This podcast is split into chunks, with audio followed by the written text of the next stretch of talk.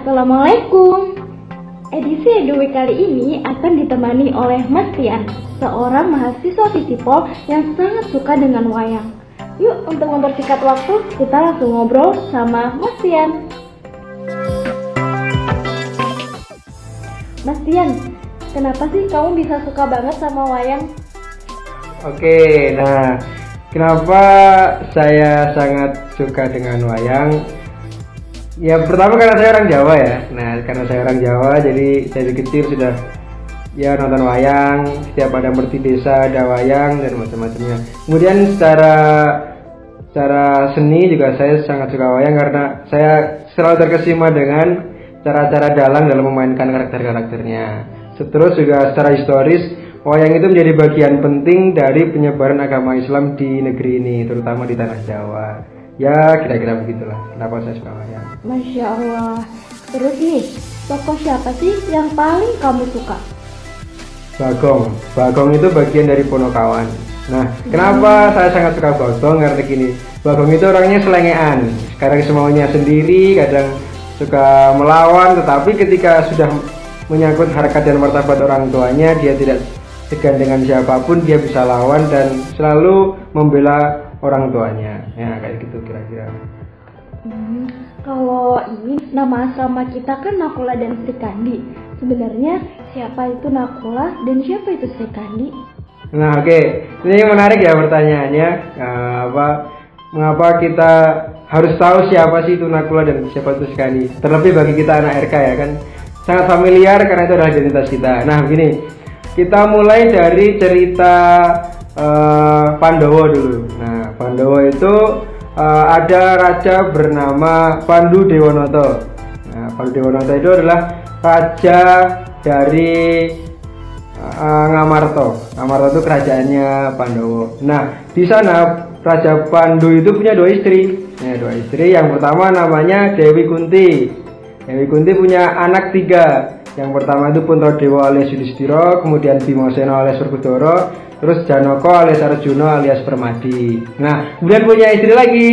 Nah, istri lagi yang kedua namanya Dewi Madrim, punya anak kembar namanya Nakulo alias Binten, kemudian punya anak yang kembarannya namanya Sadewo. Nah, ini Nakula ini yang menarik karena dia adalah anak keempat dari Raja Pandu Dewanoto. Nah, Nakula ini lahir dari uh, ibu bernama Dewi Madrim.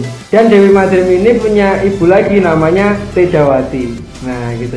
Jadi antara Teja dengan Nakula adalah buahnya adalah cucu dan nenek. Ya kira-kira begitu. Nah jadi teman-teman Nakula dan Sri Kandi hubungan antara Nakula dan Sri Kandi adalah dalam wayang Jawa adik dan kakak ipar. Oleh karena itu, sebagai anak dan serikandi yang berada di masa kini, kita harus akur ya, dan berkolaborasi untuk sebuah kebaikan. Nakula ini kalau kita melihat dia itu seorang satria, seorang satria dari Sawah Jajar. Nah, Sawah Jajar itu uh, kesatrian Sawah Jajar itu bagian dari negeri Ngamarto. Nah, itu kayak kalau kita melihat uh, ada apa Indonesia nih uh, Ngamarta itu adalah Indonesia, kemudian Sawah Jajar adalah bagian-bagian dari Indonesia. Nah, kayak gitu. Nah, kemudian anak-anak Pandu ini diberikan kesatrian-kesatrian yang masing-masing menjabat di satu kesatrian gitu. Nah, kalau untuk Nakula sendiri dia memiliki kemahiran yaitu menunggang kuda dan menggunakan senjata panah dan lembing. Terus apa sih aji-aji atau senjata utama yang bisa dipakai Nakula ketika dalam keadaan darurat. Dia memiliki aji namanya aji Pranawo Jati. Nah, itu yang bisa digunakan untuk apa ya? Untuk untuk pembelaan diri lah hmm. ketika terjadi perang dia menggunakan itu. Seperti sama juga ketika uh, di negeri Ngamarta itu punya senjata yang sangat legendaris bernama Jamus Kalimosodo itu kayak gitulah misalnya. Okay. Nah, hmm. kalau watak Nakula sendiri kita harus tahu bahwa Nakula ini memiliki beberapa watak. Kayak yang yang tentu saja baik karena juga kesatria ya. Ya, wataknya baik yaitu watak jujur, setia, taat, belas kasih dan yang dapat uh, seorang yang dapat menyimpan rahasia. Tuh. Tapi uniknya, nah ini yang biasanya cerita wayang-wayang nih. Apa tuh? Seorang kesatria itu memiliki istri lebih dari satu. istri pertama namanya Dewi Sayati dan istri kedua namanya Dewi Srenggonowati. Nah kayak gitulah kira-kira. Nah, kira-kira Nakula singkatnya kayak gitu. Nah, tadi kan Nakula udah nih. Hmm. Sri Kandi dong ikutan pengen tahu siapa sih Sri Kandi itu? Nah ini Sri Kandi lebih menarik ini sebenarnya. Waduh, Nah, oke siap. Tapi kita harus membuat kesepakatan ya. Kita melihat ini dari cerita pewayangan Jawa, bukan dari cerita Mahabharata. Karena apa? Ya. Karena ada berbeda, ada beberapa perbedaan yang cukup signifikan di sana. Nah, mungkin kalau dengan cerita eh, Mahabharata mungkin anak-anak Sri Kandi bakal tidak setuju dengan nama Sri Kandi gitu. Karena apa? Karena dalam cerita Mahabharata Sri Kandi adalah seorang transgender. Nah, nah, tapi dalam pewayangan Jawa Sri Kandi adalah wanita seutuhnya yang sangat perkasa. Itu. Nah, sebelum ke cerita Sri Kandi kita harus tahu dulu tentang Arjuna. Arjuna adalah anak ketiga dari Raja Pandu dan anak yang eh, dengan istri Dewi Kunti. Nah, gitu. Eh, kalau secara silsilah, eh, Sri Kandi ini anaknya Prabu Drupada dan Dewi Gandawati. Nah, ya. Kemudian Sri Kandi ini adalah istri dari Arjuna. Nah, makanya itu ketika sebelum tahu Sri Kandi kita harus tahu Arjuna dulu.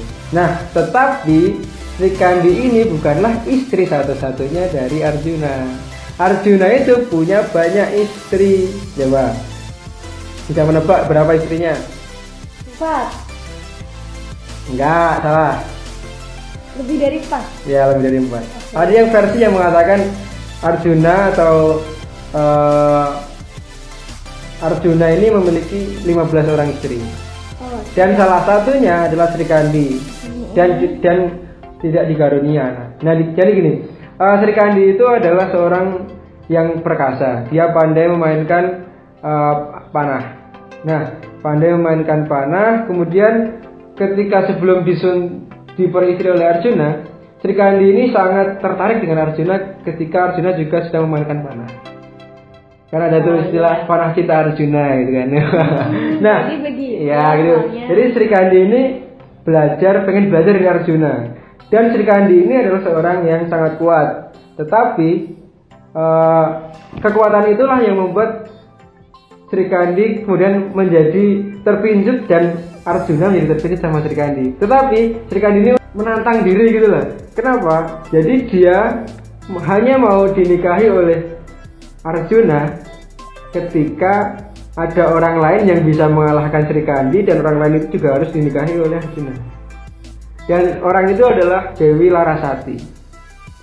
Nah, sebelum itu kan Sri Kandi menantang Dewi Larasati untuk melawan dirinya.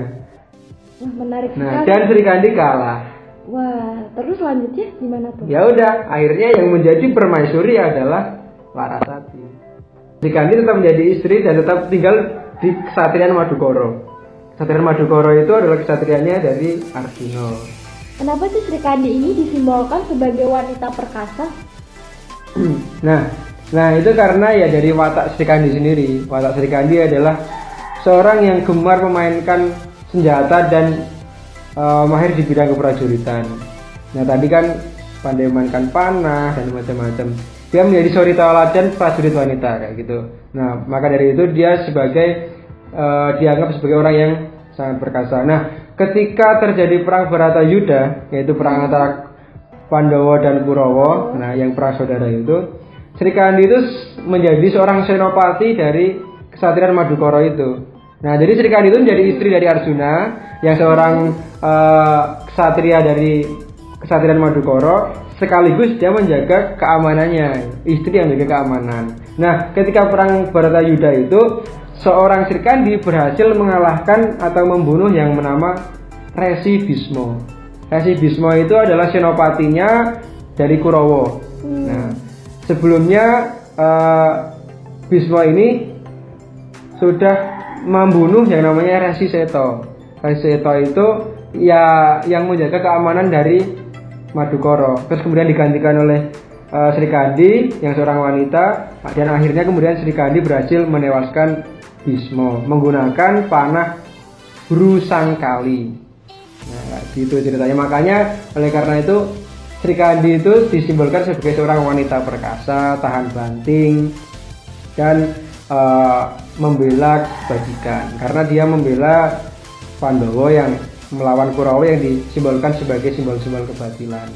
Nah, kalau menurut Mas Tian sendiri nih, apa sih amanah yang bisa kita dapat dari sikap dan karakternya Nakula Sri Kandi ini agar bisa dijadikan contoh seperti teladan gitu buat kita?